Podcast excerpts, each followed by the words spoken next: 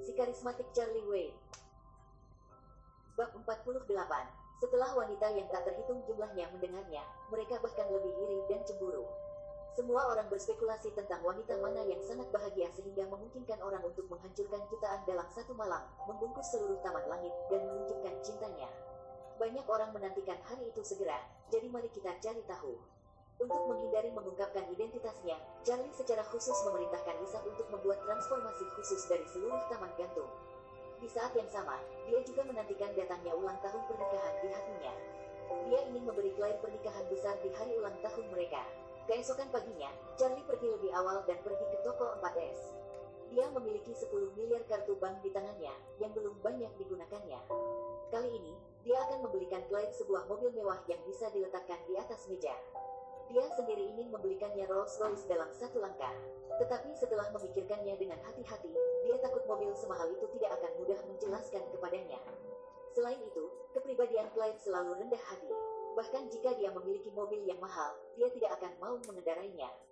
Jadi dia memutuskan untuk membeli mobil bisnis untuk istrinya senilai sekitar 500 ribu, yang layak untuk dihadapi, tidak terlalu umum, dan lebih praktis. Dia tidak akan terlalu tertekan jika tergores atau terbentur. Memikirkan hal ini, dia berencana membeli Audi A6 untuk istrinya.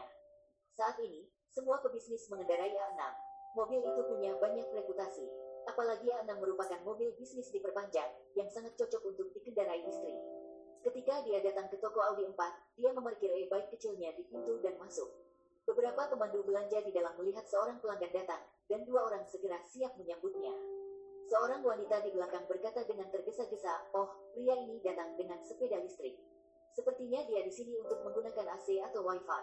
Tinggalkan dia sendiri. Ketika mereka mendengar bahwa mereka datang dengan sepeda listrik, yang lain kehilangan minat dalam sekejap.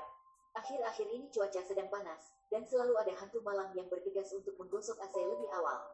Terkadang mereka tanpa malu-malu duduk di mobil pameran dan tidak turun.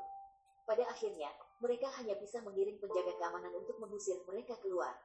Penjualannya sangat mengganggu. Charlie mengendarai sepeda listrik dan memakai setelan jas untuk menjual barang.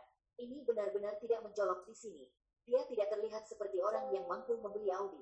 Tidak ada yang menjaga dirinya sendiri, dan Charlie tidak peduli. Dia langsung pergi ke area pameran sedan A6 dan menemukan bahwa harga mobil ini berkisar antara 300 ribu hingga lebih dari 600 ribu. Model lebih dari 600 ribu adalah model A6 top dan versi eksekutif diperpanjang. Sejujurnya, mobil ini terlihat sangat bagus. Harga lebih dari 600 ribu tidak terlalu mahal, klien harus bisa menerimanya. Jadi dia membuka mulutnya dan berkata, apakah ada mobil baru untuk A6 top ini? Saya ingin membelinya sekarang. Semua pemandu belanja memandangnya seperti orang bodoh, dan salah satu dari mereka berkata dengan jijik, pernahkah Anda melihat harganya?